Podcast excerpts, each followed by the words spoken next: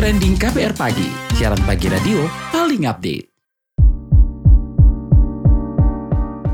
KBR Pagi, siaran pagi radio paling update. Selamat pagi, selamat hari Senin.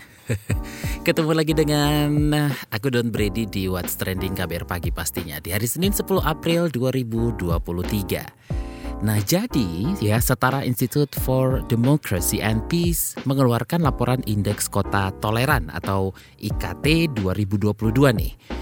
Dalam laporan itu posisi pertama kota paling toleran ditempati oleh Singkawang, disusul Salatiga dan Bekasi. Sementara dalam daftar itu disebutkan juga kota Cilegon menjadi kota yang mendapat skor toleransi paling rendah. Sedangkan Depok jadi kota terendah kedua yang kemudian disusul Padang. Dalam penilaiannya IKT 2022 melihat regulasi pemerintah kota, regulasi sosial, tindakan pemerintah, demografi, sosio keagamaan. Berdasarkan laman Kemendikbud, toleransi sangatlah penting sebab Indonesia memiliki beragam ras, agama, golongan, dan suku. Toleransi dianggap mampu mempersatukan dan menjadikan perbedaan sebagai kekuatan agar Indonesia tidak terpecah belah. Nah, sifat toleransi ini juga harus ditanamkan sejak dini supaya generasi penerus bangsa mampu menerima perbedaan dan keragaman yang ada. Kita bakal bahas lebih lanjut soal ini, tapi seperti biasa, sebelumnya kita dengarkan dulu komentar warganet plus 62 berikut ini.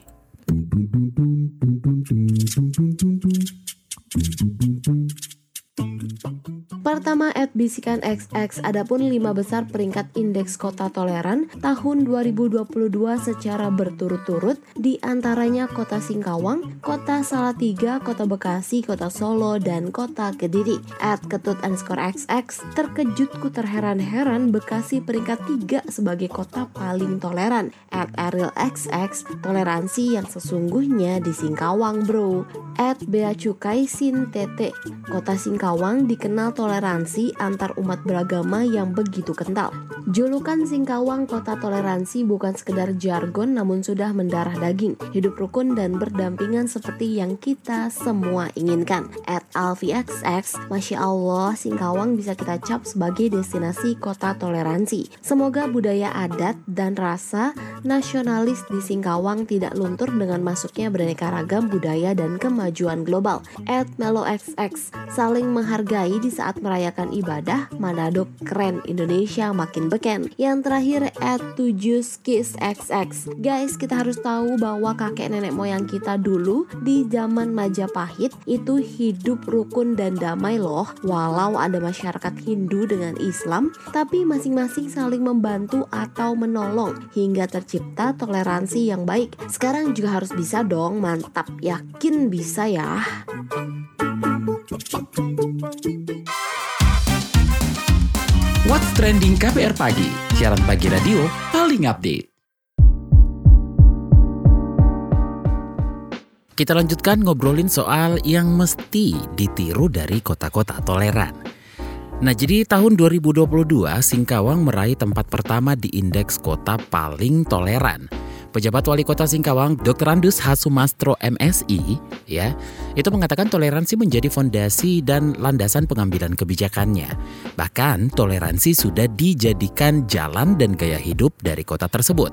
Lebih lengkapnya kita simak penuturannya di acara Indeks Kota Toleran 2022 pada 7 April 2023. Alhamdulillah, puji Tuhan, kita panjatkan atas kepercayaan dari Setara Institut kepada Kota Singkawang dan ini adalah bagian dari anugerah sekaligus tanggung jawab yang tidak sederhana. Kami sudah menjadikan toleransi itu menjadi kata kunci dalam setiap percakapan, baik di level pemerintahan sampai ke level grassroots, sehingga semua orang tahu kita punya tanggung yang jawab yang sama untuk memelihara toleransi di kota Singkawang yang menjadi rumah besar kami. Kota Singkawang sebagaimana yang mungkin Bapak Ibu ketahui adalah kota yang multikultural, multi etnis, pluralisme yang mencerminkan keindonesiaan yang hadir di di sana. Oleh karena itu memang mudah-mudahan perjalanan ini menghantarkan ketiga kalinya kami menjadi kota tertoleran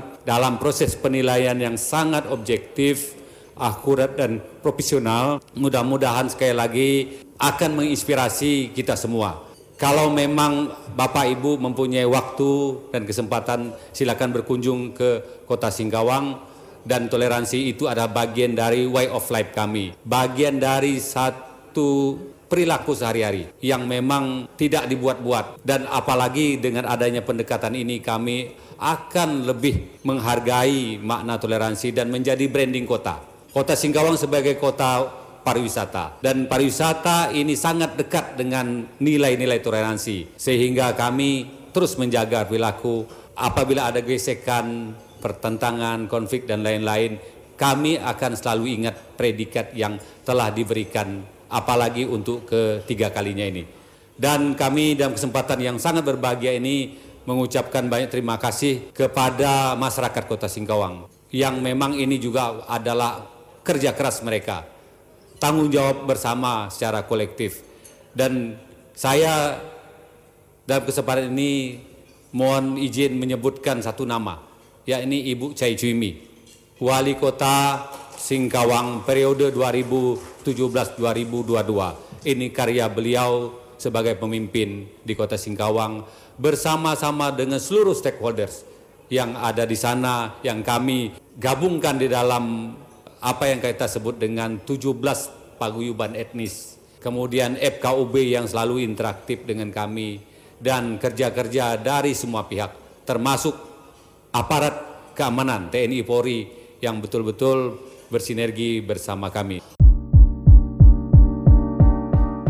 Menanggapi indeks kota toleran yang dikeluarkan Setara Institut, staf ahli Kementerian Dalam Negeri Laode Ahmad mengatakan pemerintah terus mendorong praktek-praktek toleransi. Tak hanya mendorong tingkat toleransi, Laode mengklaim pemerintah menjamin hak-hak setiap orang, termasuk hak untuk beribadah. Lebih lanjut terkait usaha pemerintah menjaga toleransi, berikut penuturan staf ahli Kementerian Dalam Negeri Laode Ahmad.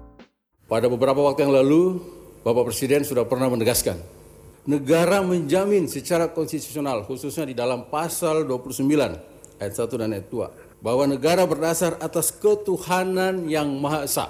Ayat 2-nya, negara menjamin kemerdekaan tiap-tiap penduduk untuk memeluk agamanya masing-masing dan untuk beribadat menurut agama dan kepercayaannya itu. Ini selalu kita ingatkan bersama, kita renungkan bersama bahwa sebetulnya sudah selesai ketika ya Undang-Undang Dasar 1945 ini sudah ditetapkan. Sesungguhnya semua orang berkesempatan yang sama untuk mempraktekkan cakrawala kebesaran dan kedamaian spiritualnya masing-masing, beribadah menurut agama dan kepercayaan tanpa gangguan dari pihak mana pun. Berdasarkan pemikiran tersebut, maka unit-unit pemerintahan negara, baik pusat maupun daerah, bersinergitas dalam menjadikan demokrasi, kesetaraan, persamaan hak dan kewajiban dan keadilan sebagai bentuk dari pengakuan atas keberagaman identitas termasuk identitas keagamaan, suku, ras, dan golongan. Dengan Pancasila yang dipahami dan dilaksanakan secara jujur dan bertanggung jawab, semua kecenderungan politik identitas negatif, destruktif yang dapat meruntuhkan bangunan bangsa dan negara ini pasti dapat dicegah. Pluralisme etnis, bahasa lokal, agama, dan latar belakang sejarah kita jadikan sebagai mozaik kultural demi terciptanya sebuah tatanan Indonesia yang memberi keamanan dan kenyamanan bagi semua. Pemerintah terus mendorong daerah agar terus memperkuat dan merawat nilai-nilai multikulturalisme, saling hormat, menghormati dan dalam beragama dan berkeyakinan, penghormatan harkat dan martabat kemanusiaan, kesetaraan, gotong royong dan bersikap adil tanpa diskriminasi sebagaimana nilai-nilai yang terkandung di dalam Pancasila. Peluncuran Indeks Kota Toleran tahun 2022 merupakan hasil pengukuran yang dilakukan setara institut diharapkan mampu mempromosikan praktek-praktek toleransi terbaik dari kota-kota di Indonesia. IKT ditujukan untuk memberikan baseline dan status kinerja pemerintah kota dalam mengelola kerukunan, toleransi, wawasan kebangsaan, dan inklusi sosial. Selain ini akan menjadi pengetahuan bagi masyarakat dan dunia tentang kondisi toleransi Indonesia hari ini. Selain itu, metode pengukuran dalam IKT merupakan hasil kolaborasi paradigma hak-hak konstitusional warga sesuai jaminan konstitusi dan hak asasi manusia sesuai dengan standar hukum HAM internasional, khususnya hak sipil dan politik yang diharapkan mampu mempromosikan pembangunan dan pembinaan ruang-ruang toleransi di kota yang dilakukan oleh pemerintah kota setempat dan atau didukung serta berkolaborasi bersama dengan elemen masyarakat di setiap kota yang diindeks itu. Kemdagri saat ini sedang mempersiapkan, sedang menyusun untuk menyusun indeks yang lebih holistik lagi untuk mensupport yang sudah diembrio oleh indeks kota toleran. Yang kita sebut adalah indeks harmoni Indonesia. Di sana ada dimensi aspek ekonomi, sosial, budaya, dan kerukunan keagamaan. Newsbeat. Keponakan dari ex-presiden Amerika Serikat John F. Kennedy yaitu Robert F. Kennedy berencana mencalonkan diri menjadi presiden Amerika Serikat pada pemilihan 2024. Ini ditandai dengan langkah Robert mengajukan dokumen ke Komisi Pemilihan Federal Amerika Serikat. Dikabarkan Robert F. Kennedy akan didukung Partai Demokrat untuk maju ke pemilihan calon presiden. Menurut bendahara kampanye tim Robert, John L. Sullivan, pencalonan Robert F. Kennedy akan diumumkan secara resmi pada 19 April 2023 di Boston. John F. Kennedy adalah presiden ke-35 Amerika Serikat yang meninggal lantaran ditembak sebanyak dua kali di leher pada 22 November 1963. Resesi seks semakin menghantui di Jepang. Kini populasi di negara tirai bambu semakin mengkhawatirkan dan jumlah kelahirannya semakin merosot. Hal ini membuat sejumlah sekolah mengalami kekurangan murid. Tak hanya kekurangan murid, sekolah-sekolah di Jepang pun terpaksa tutup karena kekurangan murid. Pada Maret lalu, SMP Yumoto di Fukushima, Jepang terpaksa tutup setelah meluluskan dua siswa terakhirnya. Padahal sekolah ini sudah berdiri selama 76 tahun, Melansir Reuters, fenomena penutupan sekolah di Jepang banyak terjadi di daerah pedesaan. Dikabarkan angka kelahiran di pedesaan dan pegunungan lebih cepat menurun. Lagu kolaborasi Suga BTS dan Ayu berhasil menjadi iTunes Top Song di 87 wilayah, termasuk Amerika Serikat, Inggris Raya, dan Kanada. Lagu yang dirilis pada 7 April 2023 adalah single pre-release dari album The Day dari Suga BTS yang menggunakan nama Augusti pada proyek solonya. Album The Day adalah akhir trilogi dari Augusti yang sudah berjalan selama beberapa tahun terakhir. Album Album ini akan menggambarkan perjalanan karir Suga sebagai Augusti dan menggambarkan kehidupan lebih dekat lagi sebagai seniman.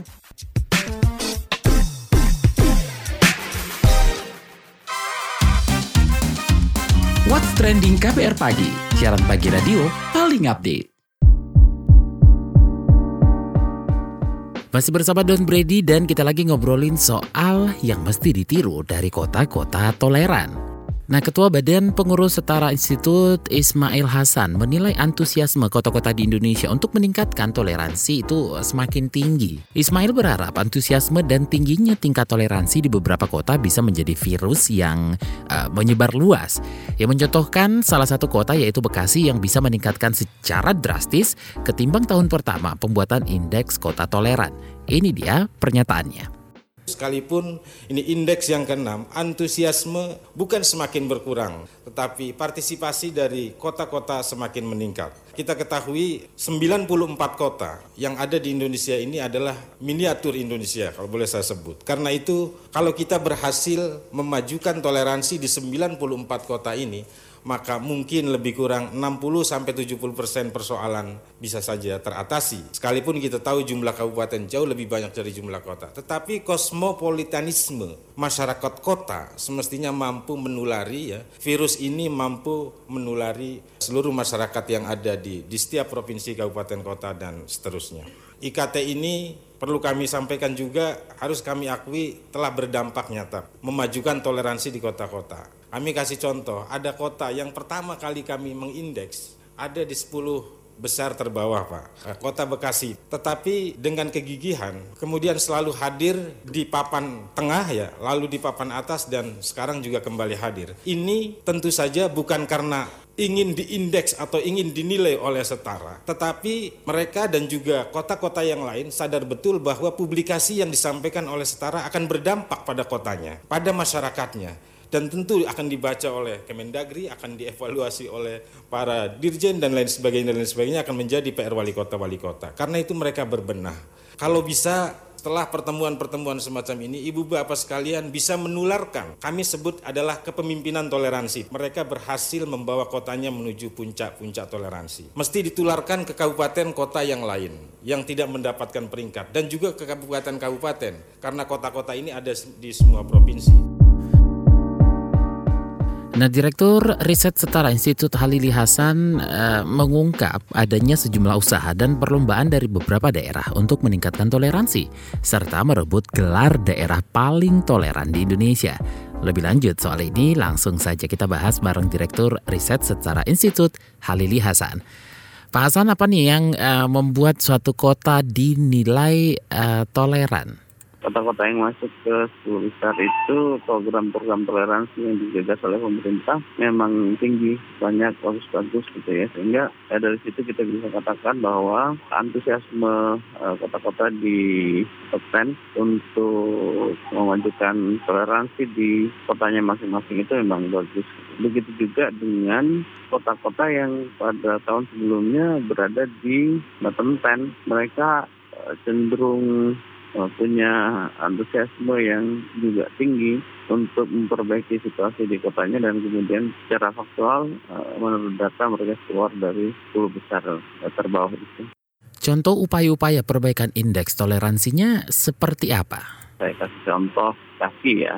Kaki itu sampai melakukan realisasi kepada kecamatan-kecamatan, seluruh kecamatan di kota Bekasi, agar PBN itu tidak dimaknai dalam kerangka Eh, restriksi, tapi dalam kerangka fasilitasi hak konstitusional warga negara di Kota Bekasi untuk bisa menikmati akses yang adil atas pendirian rumah ibadah sebagai instrumen uh, pemenuhan hak peribadatan sesuai dengan jaminan konstitusi, terutama pasal 29 ayat 2 itu.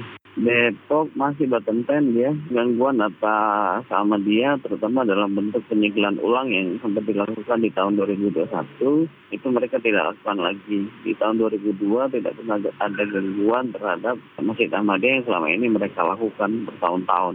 Dan sekarang kan teman-teman Ahmadiyah itu dengan leluasa bisa menggunakan masjid terutama sejak kami rilis IKT 2021 gitu ya. Kalau dulu setiap ada aktivitas masjid itu mereka pasti segel, mereka masih bubarkan gitu ya. Di sepanjang 2022 eh, pembubaran itu tidak tidak ada. Kalau secara umum ya tidak banyak perbaikan di Kota Depok.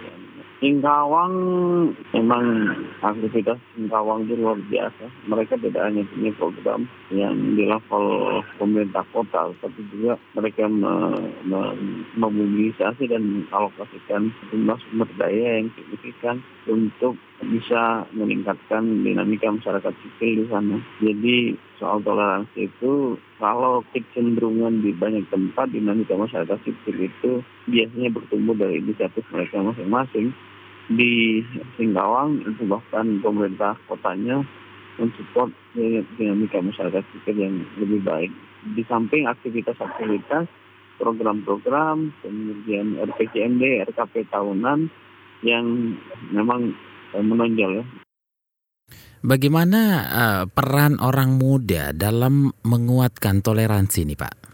jumlah pemuda kita itu lebih dominan, lebih banyak, lebih banyak secara kuantitatif dibandingkan dengan usia usia tua. Itu tentu saja merupakan kelebihan, keunggulan, merupakan sumber daya potensial yang harus kita optimalkan. Sayangnya kemudian apakah anak-anak muda, kelompok pemuda, generasi muda di kalangan demografi Indonesia itu sudah optimal dalam memainkan perannya untuk mempraktikkan dan memajukan toleransi saya kira belum tetapi secara potensial harus dapat kita katakan bahwa mereka adalah modal besar paling tidak kalau kita cermati dari sisi teknologi misalnya tentu saja melek teknologi itu jauh lebih baik di kalangan anak-anak muda dibandingkan dengan kelompok-kelompok tua.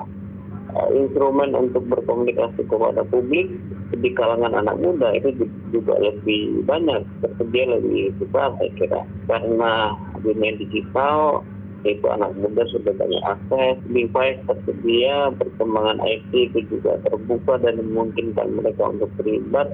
Nah sekarang tinggal bagaimana agar mereka bisa mengoptimalkan fasilitas yang tersedia di hadapan mereka. Kita tahu bahwa anak muda punya perhatian besar pada perkembangan dunia digital, pada perkembangan teknologi, pada device teknologi yang tersedia dan seterusnya dan seterusnya.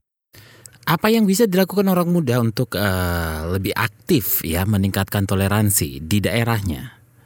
Ada dua hal yang penting untuk dilakukan anak muda. Saya kira yang pertama adalah uh, public campaign, kampanye kampanye publik. Kampanye kampanye publik ini penting untuk mereka lakukan agar uh, kita bisa keluar dari situasi lama yang sering kita sebut sebagai silent majority gitu atau mayoritas yang cenderung diam. Ada persoalan di sekitar, tapi uh, kelompok yang banyak itu cenderung diam. Itu yang kita sesalkan dalam beberapa peristiwa di tahun-tahun yang lalu gitu.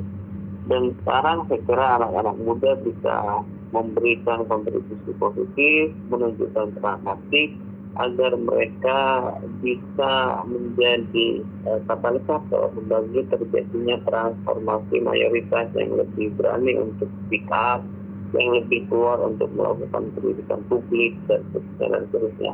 Itu yang pertama. Yang kedua yang juga penting dilakukan oleh pemuda adalah bagaimana mereka bisa meningkatkan literasi, bisa membangun perhatian anak-anak muda tentu saja uh, merupakan salah satu aktor penting untuk membangun literasi publik. Terima kasih Direktur Riset Setara Institut Halili Hasan.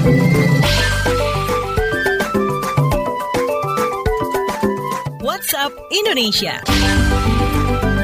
WhatsApp Indonesia dimulai dari Jakarta. Kapolri Listio Sigit Prabowo menjamin keamanan masyarakat yang akan bepergian mudik saat Lebaran 2023. Listio mengatakan kepolisian bakal menggelar operasi ketupat di momen Idul Fitri tahun ini. Operasi tersebut bakal digelar serentak mulai 18 April sampai 1 Mei 2023. Listio menambahkan berbagai persiapan dan pengamanan yang digelar menjelang Lebaran diharapkan membuat mudik tahun ini berjalan lancar sekaligus bisa bisa menekan angka kecelakaan yang berpotensi terjadi.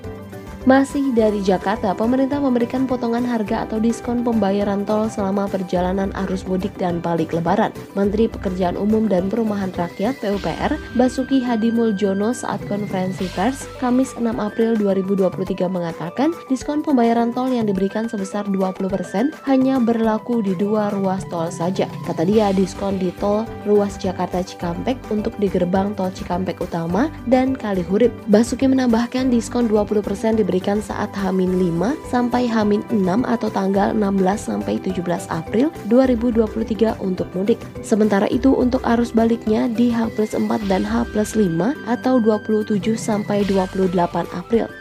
Terakhir mampir Mojokerto, Jawa Timur. Kompetisi beduk dadakan di kota Mojokerto pada akhir pekan kemarin berlangsung menarik dan berbeda karena dihadiri sejumlah tokoh lintas iman. Acara yang digelar di Masjid Rodotul Jannah Kota Mojokerto itu menampilkan keunikan masing-masing peserta dalam menabuh beduk dengan gaya dan kreativitas masing-masing. Beberapa tokoh agama dari lintas iman nampak dibuat kagum melihat kesenian tradisional bernuansa Islam itu. Sebagai penyelenggara, Ketua sahabat sosial berbagi Bagus Marjoki mengatakan, selain melestarikan kesenian tradisional, kompetisi beduk ini juga untuk menjaga kebersamaan. Kata dia, pihaknya ingin memerangi intoleransi dan menciptakan kebersamaan antar suku, agama, dan ras. Demikian WhatsApp Indonesia hari ini.